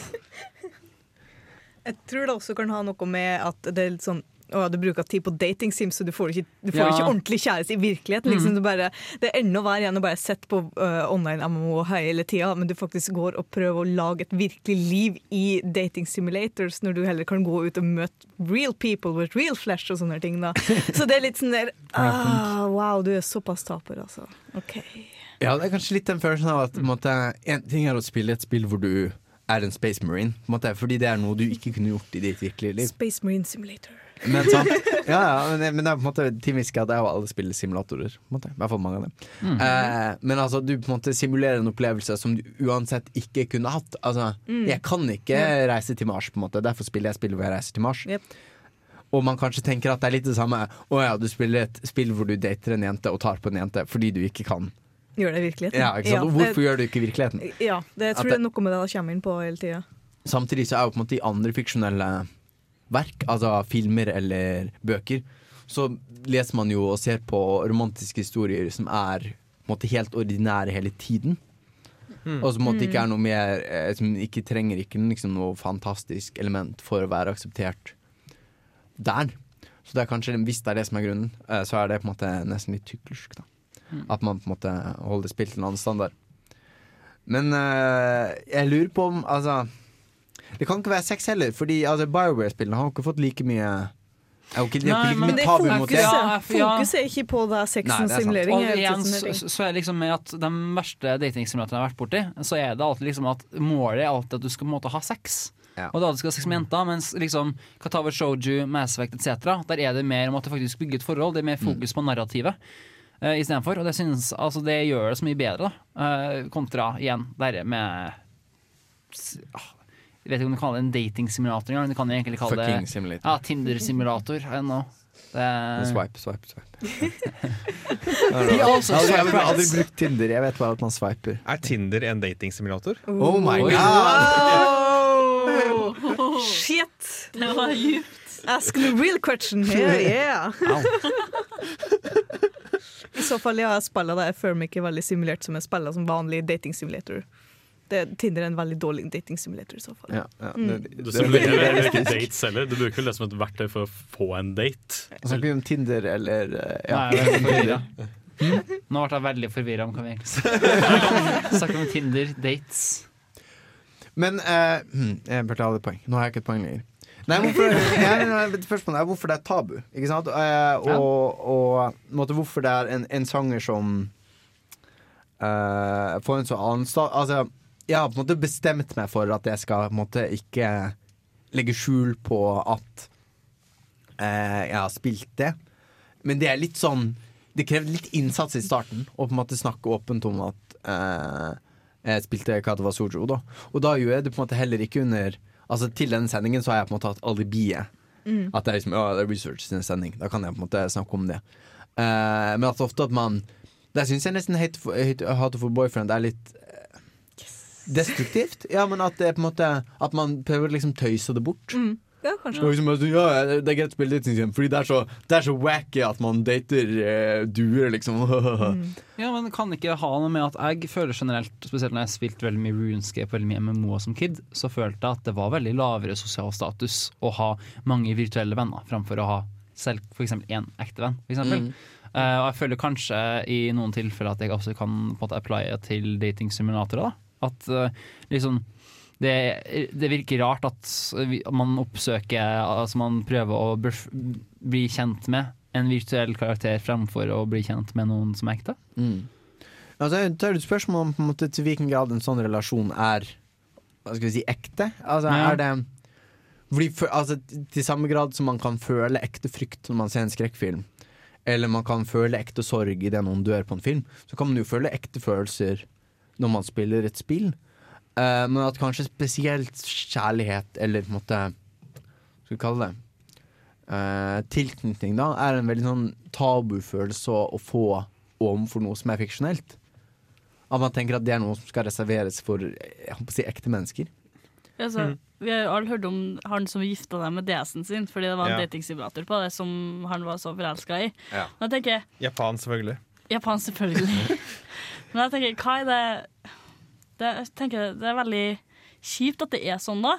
At vi på en måte er sånn ah, Du er forelska i en virtuell karakter. Ja, men jeg tror ikke det har noe med at generelt altså, du, nå, nå går jeg liksom litt vel utafor det her er moroen til over til akademisk dølle ting. Men det er vel, jeg syns det kanskje har litt med liksom at det, teknologi, altså spesielt spill, er ganske nytt. Og for veldig mange så er det jo sånn Å ja, Én en ting er at du bruker masse av fritida di på å spille, eh, men så bruker du ikke bare masse på å spille, men du bruker også tid til å bli kjent med folk som ikke eksisterer. Eh, og eh, det virker som at sant, for mennesker som har levd i en verden uten dataspill etc., så blir det veldig surrealistisk da, og veldig Hæ? Det er mulig? Altså, kan du seriøst være venn med en dings? Det gir jo null mening. Ja. Det er akkurat samme som at det er jo mange som jeg snakker med, eh, som eh, sier at hvorfor bruker du så mye tid på spill? Mm. Liksom. Eh, har ikke noe bedre ting men for, igjen for meg så handler det alltid om at spill kan jo faktisk få ut følelser av det. Du blir jo fortalt et narrativ. Du får en opplevelse ut av å spille. Ja. Og jeg tenker også Det er litt sånn den tankegangen man må ha rundt dating sims. da Jeg spiller eksempel ikke dating sims fordi at jeg har lyst til å uh, date en virtuell jente, men fordi at jeg spiller for at jeg føler at det forteller et narrativ som jeg synes er interessant. For Mm. se hvordan det går med gutten i Katawa Shoujo, som uh, blir kjent da med noen andre som også har uh, en eller annen form for handikap. Eller jeg vet Mm. ikke hva det fine ordet for det, men å se hvordan de takler ting sammen. da Ja, ja. Ikke sant? Se hvordan de gjør det. Ja, for akkurat den historien handler mye om å akseptere Til hvilken grad man skal akseptere sine egne begrensninger, og Mm. hvilken grad man skal utfordre dem. Uh, og det er jo en veldig en, på en måte, Hvis det hadde vært en bok, så hadde det vært en jævlig bra bok. Ja. Uh, ikke sant? Og så blir det ikke Choose your own story-bok. ja, ja. Choose, Det er det samme som Choose your own story-bøker er også litt sånn Det er ikke liksom høylitteraturen. Nei. Du får liksom ikke den nye romanen fra Jeg vet ikke, jeg kommer ikke på. Jo Nesbø.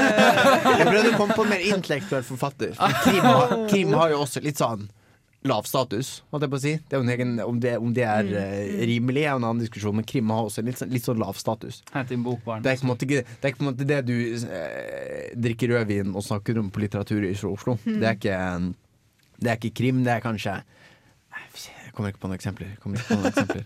Noen? Diktsamlinga. Er det ingen som leser bøker her? Ja. Men, men eh, ny fra og Knausgård. Ja. Hvis en nye, nye bok fra Knausgård hadde vært en sånn Choose Your Own Adventure-bok Mm, mm. blitt Bla til side 52 om du det hadde vært veldig camp, ikke sant? Det hadde vært Mm. veldig sånn eh, tøysete. Mm. Så det er kanskje Vent ikke at interaktivitet i seg selv har et litt sånn dårlig image.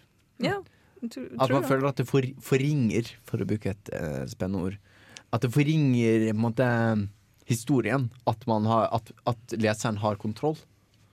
Mm. At kanskje det er litt av grunnen til at man hater på dating sims. Men poenget mitt er at det er en fantastisk historie, og så er det også en dating simulator. Eller Mm. det er også en visual novel. Mm. Det føles liksom ikke som det er ikke, det er ikke en dating Det er ikke datingsimulator på samme måte som det er, det er en flysimulator. Liksom. Det er ikke som liksom sitter i cockpiten og liksom Nei, det, det skjønner jeg. Men jeg tror også at det kan ha noe med at det er tabu eller litt sånn beskittenhet på. Fordi at det er en sånn type spill som er, sånn, det er så lett. Jeg mener, du bare tåler å klikke og klikke og klikke gjennom masse dialog. Du, er ikke noe, du er ikke flink på dating simulator, akkurat. Med mindre ja, du, du tar den der queenfolket som ikke tar livet av deg på en ende, eller noe sånt. Jeg har spilt en dating simulator som er sånn batshit crazy, men jeg har faktisk likt veldig godt allell. Men jeg tror det er noe med at det, det blir ikke tatt seriøst som spill, fordi det regnes ikke som et spill, det er bare fortelling. Ja, at man forbinder på en måte den, den utfordringen. Den liksom Yes. selve mestringen av spillets mekanikker som en vesentlig del av å være et spill. Ja, ja. Så, så, men jeg er superfan av spill som har DO6 har blant annet. Den uh, Tell me a story. Altså når du skal velge vanskelighetsgrad. Mm. Så kan du liksom velge liksom, I want to be challenged eller Tell me a story. Ja, stemmer Og det det. kan være fint. Det er Ser du på, på klokken? eh, Ja, det jeg tenker jeg, for jeg har veldig lyst til å snakke Jeg har veldig lyst til å snakke om noe helt annet, nemlig spillet jeg har spilt. ja! Skal vi ta en musikkpause? Eh, Ja. Og så kan vi snakke om spillet du har spilt? Eller som vi alle har spilt, kanskje. Det er godt mulig. Vi får se hvilket Du har ikke avslørt hvilket spill det er? Nei? Nå er jeg ikke jo. Har du det? Ja. Sa du det? Jeg sa, det, jo- jeg sa jo det i stad. Katte... Ja, katte, Kattespillet? kattespillet. Jeg har ikke spilt kattespillet. Nei, men spill som Altså, at vi alle snakker om de spillene vi har spilt. nå får du i hvert fall spilt. Kari Harnesberg med Wild One. Ja, det var Kar Kari Harnes Haug med Wild One. Jeg vet ikke om dere får med det. For jeg hadde plutselig veldig dårlig, si dårlig tid på å si hva låten het. Før den Ups, kom på. Det går bra. det går bra Vi begynte å snakke om at du hadde spilt et spill, eh, Åse. Ja, jeg Og hvilket spill har du spilt? Dette er ikke det første datingsimen som jeg spiller, men jeg tror det er den beste. Fordi Hustlecat var en sånn jeg, ok, jeg kan starte med at det handler om basically Det er en kattekafé. Du får inn jobb der, og så oppdager du at denne kattekafeen har en mystisk hemmelighet. Eh, nemlig at Ikke akkurat spoiler alert, for det avsløres av spillmakerne. Og det er at alle personer som jobber i den kafeen, kan bli til katter. Kontrovers! så, de, så det man oppdager etter hvert, er at shit uh, er liksom, De er liksom fanga i denne kafeen, for hvis de går utenfor, så blir de til katter. Og så er det litt sånn magisk sånn aura over det hele, da. Uh, og det føltes veldig, føltes veldig Føltes som å ta en kopp, kopp kaffe liksom, med venner, hele, hele spillopplevelsen. For den var så Det var så koselig, rett og slett. Og det var så Du oppdaga etter hvert at ehm, de har sånn eller hver eneste person da, har sin egen, de har sin egen rolle i den kafeen. Mm. En er f.eks. kokk, og så har du en SoMe-ansvarlig. Eh, og jeg data faktisk den SoMe-ansvarligen, uh, som heter Finley. Og hun er veldig sånn Hennes superkraft da er at hun kan bruke sånne hashtags til å Hear me out. Jeg ser at du flirer veldig mye nå. Jeg ser at du flirer jeg, jeg flirer med rann. deg, ikke mot deg. Med meg. Jeg flirer med deg. Ja. Mm. At du kan bruke sånne som for eksempel sånn uh, hashtag boom eller hashtag reported til å liksom skremme eller uh, få vekk uh, de onde kreftene. Men, men det spre, det- hvis du sier hashtag boom, det tar liksom mye og sprenger en vegg, eksempel. Nei, men også Hashtag boom var et eksempel. Eneste gangen nå bruker jeg faktisk hashtag reported i det spillet. Hashtag pizzajul. Chris, nei. Pizzajulseringa. Hashtag pizzajulgate. Oi! Nei, men uh, jeg tror jeg skal skrive en anmeldelse om hele spillet Wow, Wow, Eh, så det får dere uh, lese i nær fremtid. Hustlecat. Det kommer faktisk ut på Steam om tolv timer. Så jeg kan gå hjem og preloade det og spille det på release? Eh, jeg tror ikke du kan preloade. Det er kanskje ikke så stort. Nei, det er, veld, det er veldig lite spill. Det er veldig, det er veldig indie-studio. Ja. Som heter Date Night, som har laga Starfighter-clips før. Eh, Som er sånn eh, gay dating sim, basically. Altså, Men hva, hvor, mye koster, eh, hvor mye må jeg betale hvis jeg vil spille Hustle Cat? Eh, 20 dollar. 20 dollar. Koster det på Itchia iallfall. De har ikke offentliggjort prisen for Steamen, da. Jeg skal vurdere det. For jeg, jeg har også spilt et eh, det, det er interessant dette med den antropomorfiseringen, for å bruke et langt ord. Altså fordi jeg føler det er en gjenganger i mange datingsim at du menneskeliggjør et eller annet. For her er det jo katter som er menneskeliggjort, eller mennesker som er katteliggjort, alt ettersom. Uh, Filinomorfisering blir vel det. Eh, men Uh, jeg, store ord. ja, jeg, det, er, det er min superpower. Er å bruke litt for lange ord. Eh, men det jeg har spilt, er eh, Panza Models. eh, som også er et antropomorfiserende spill. Bare at her er det Ok, la oss, la oss ta historien. Du er Ervin, en, eh, en ung, ung mann fra USA. Som skal begynne på eh, stridsvognskolen. Altså du har eh, vært i militæret og skal nå gå på utdanning på stridsvognskolen. Men vi viser at det ikke er liksom stridsvognskolen for mennesker, men det er en skole for stridsvogner. Så det er en japansk high school hvor elevene er stridsvogner fra andre verdenskrig. Og de er også jenter samtidig. Eh, så da den søte tyske jenten Panser 4 eh, en st- sånn- litt sånn butch eh, eh, tyske jenten Tiger 1, amerikanske Sherman M4 osv. Så, så da er alle disse jentene her, eh, eller stridsvognene er jenter med hver sin personlighet. Så kan du date dem. Men føler ikke du at dette er på en måte òg en parodi? På en måte på linje med How Boyfriend? Ja, for det er det man gjerne tenker at å, dette kommer til å være en, en hvor temaet er ehm, på en måte å komme med sånn «Åh, teit dater tanks. Men det er stort sett bare en unnskyldning for å komme med rare ordspill eh, og historiske referanser. Eh, for eksempel så er Panser 4 veldig begeistret for fedrelandet. Eh, og på, mens vi satt på en sånn eh, eh, Faktisk sånn made-kafé, eh, så, så ble, ble hun veldig sint fordi hun begynte å snakke om at Tyskland slett ikke tapte første verdenskrig. Eh, men det var bolsjevikene eh, som, eh, som gjorde det. Og da, det er den vanskeligste avgjørelsen jeg jeg har noensinne gjort i et spill. Det var hvorvidt jeg skulle si meg enig om hva, er, det den hevnmyten, er ikke det det heter? Den historiske på en måte, den, altså Det er en faktisk historisk greie at man, at man i Tyskland benektet at Tyskland tapte første verdenskrig. Og det er eh, et eller annet myten. Mm. Om, og jeg måtte eh, avgjøre om jeg skulle si meg enig eller uenig i om Tyskland tapte første verdenskrig. Eh, på den ene siden eh, Tyskland, på en måte. På den andre siden veldig søt jente eh, på en kafé.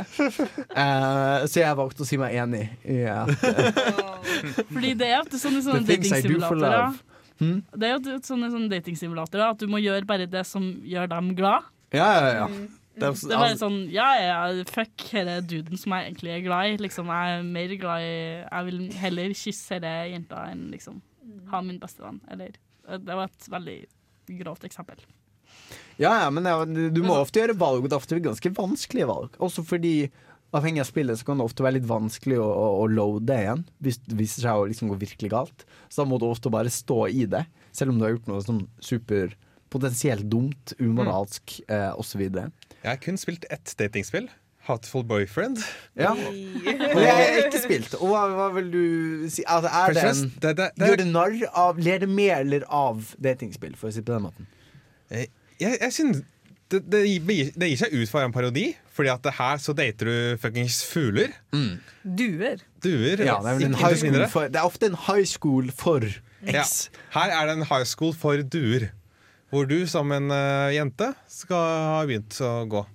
Menneskelig jente, that is. Ja. Men uh, du skulle tro at det var en skikkelig sånn parodi. Og at uh, åh, oh, oh, her kommer det til å bli mye teit bare parodiering. Mm. Men jeg syns faktisk det holder seg veldig godt som et spill. Jeg syns de fuglene det, det, det er mye humor på det. Men det, jeg får Jeg merker jeg ble investert i historien, og at jeg får faktisk li- litt, litt følelser for disse fuglene som har sine problemer i hverdagen og sånn. Ja. Mm -hmm. Jeg jeg er litt positivt overrasket, faktisk.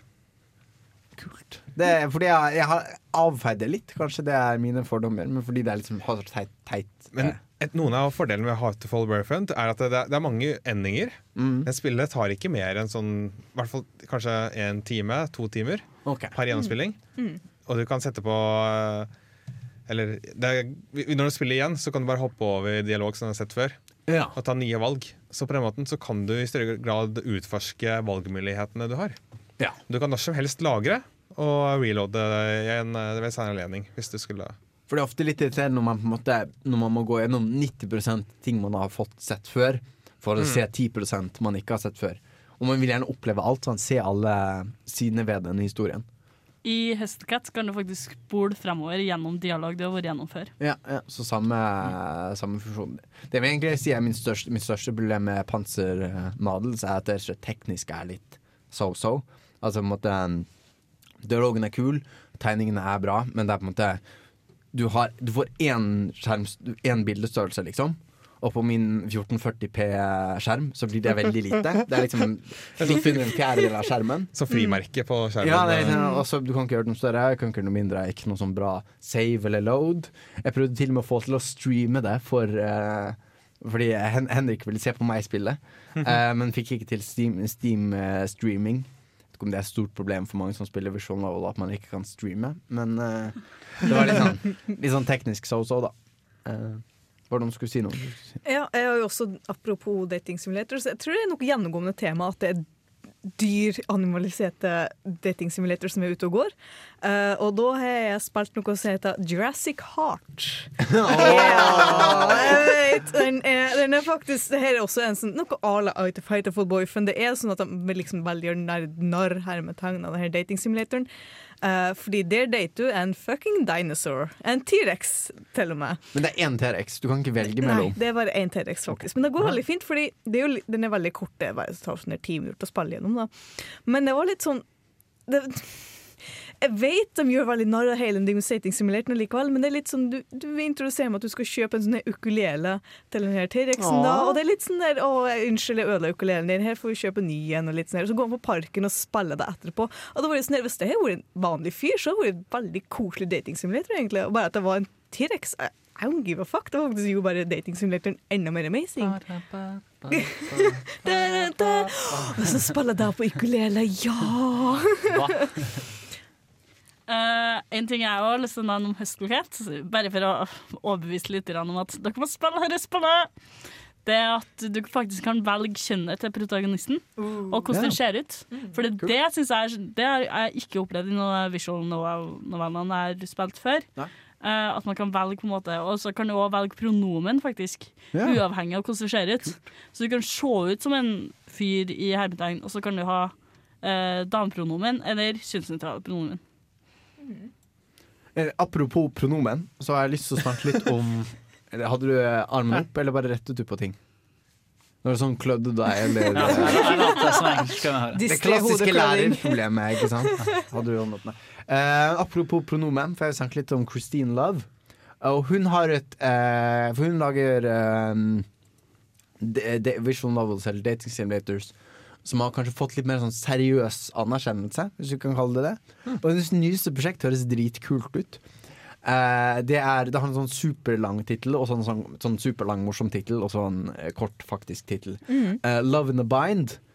Hvor, eh, og konseptet er at eh, broren din har hjulpet deg med mye sånn skoleting. Så nå liksom for å betale tilbake gjelden din, så skal du crossdresse som han. Altså du skal late som du er han, på et cruise i, eh, med eh, han, hans klasse, da. Og så er det mye sånn intrigepolitikk i denne high school-klassen. og så er det på en måte hvem kan du stole på, hvem kan du ikke stole på. Og da at det er sånn eh, at du må late som du er din egen bror, samtidig som du eh, er en sånn superkul eh, dike. Hva vil vi kalle det? Lesbe? Ja, men så, eh, altså, litt sånn butch. Butch-lesbe, Butch, kanskje? Ja, ja. ja, sure, sure. Og, det er, og de har sånn um, eh, og er sånn, Hvor du har en sånn femkant i en form med hvor bra man er i forskjellige ting. Har oh, ja, ja, sånn der skill, ikke skill tree akkurat, men liksom Sånn sånn skill, skill-greie. measurement. Yes. Og der er liksom skillen i dette spillet er sluttiness, Oh. uh, politics, eh, crossdressing. Det er en egen skill. Eh, og det, ja, det virker veldig sånn kult konsept. Da. Jeg vil bare eh, pitche inn det. Hva det heter den, sa du? Sa du? Love in the bind. Ja, jeg skal. Eh, Hvis jeg skal pitch-pitch Pitch, pitch. Jeg måtte jo i den forbindelse søke opp eh, Female Sex Demon, eh, som førte til at nå kommer jeg til å få masse ads fremover om skikkelig sære ting. Hadde du safe, Eh, eh, safe search på? Eh, jeg vet, nei. Men jeg, jeg trykka på det første, og det var ikke bilder. Uh, men iallfall, det jeg skal snakke om, er Catherine, eh, som er et Ja. spill som eh, Bård anbefalte meg for en stund siden. Og den er laga av det samme studio som lager Persona-serien. Nå kan jeg høre sånn Bård skrike fra Hamar i sånn total fandom. Eh, for at, veldig god serie. Eh, og det er en datingsimulator gjort på en veldig god måte. Eh, det sentrerer seg rundt en hovedperson som eh, bare henger på en lokal bar. Den samme lokale baren sammen med vennene sine. Kjempeålreit musikk i bakgrunnen. Og så plutselig så- og Han er i et forhold da som går sånn så og så. Litt usikker hvor det går hen. Og plutselig så blir han presentert for en helt ny jente, da, Catherine. Og ja, og den andre kjæresten heter også, også Catherine, da, som sjonglerer, da. Men En- med K. Ja. uh, og den Catherine du treffer, da, blir ganske fort avslørt, og det er ganske tydelig for begynnelsen at det er en succubus, da, uh, Mm. som er en sånn japansk se, sexgud som, eh, som tar på seg en uh, kvinneform, og, og som har sex med menn mens de sover. Og mens du sover i spillet, da, så blir det presentert for masse rare puzzles som gir litt mening, men det er hovedhistorien som har veldig mye som er mest interessant. Og alt foregår på baren, du må ta avgjørelser, du må sjonglere mellom Catherine med K og Catherine med C. Uh, og ja, det skjer veldig mye rart, interessant og spennende i baren. Og igjen så er det liksom Det handler mindre om uh, hvem du er med. Det har nesten ikke noen elementer av uh, at skal, det skal skje noe fysisk mellom dere. Bortsett fra at det er en female sex demon. Men det er veldig stor fokus på narrativet, og veldig, det har en veldig god historie som er veldig interessant å følge med på. Gameplay er sånn ja, OK i med de drømmesekvensene. Det er sauer der. Jeg vet ikke hva som er greia. Snakke om female sex demons og puzzles. Jeg vil an anbefale Honeypop, som er bejeweled, men med at du samler trusene til jentene du har ligget med. Å, det har jeg hørt om! Hva er greia med det? Men du vil Altså, anbefale ja, dette men- spillet? Ja, men du, ja, jeg vil anbefale, fordi det er en parodi på liksom dere uh, Gift, liksom Give her gifts until she gives you sex-konseptet. Ok. Og det gjør det på en veldig god måte. Ja, det gjør det. For det er veldig sånn post-law, eh, som er at du kan aldri vite om noe satire eller parodi Ja. eller ikke. Jeg trodde at det ikke var satire. Jeg trodde Det var «Å, det var et fornuftig konsept at hvis du klarer den oppgaven, så får du truser. Og der kan du da unlocke en, eh, sex, en literal sex-demon. Og en gudinne. Og de har truser. Hvorfor bruker de truser? Hvorfor trenger de det? Kroppsvæsker, som du nevnte tidligere, ikke sant? Ja, men, snap. Ok, Hva kan skulle vi ellers brukt? Hår? Pizzahjul?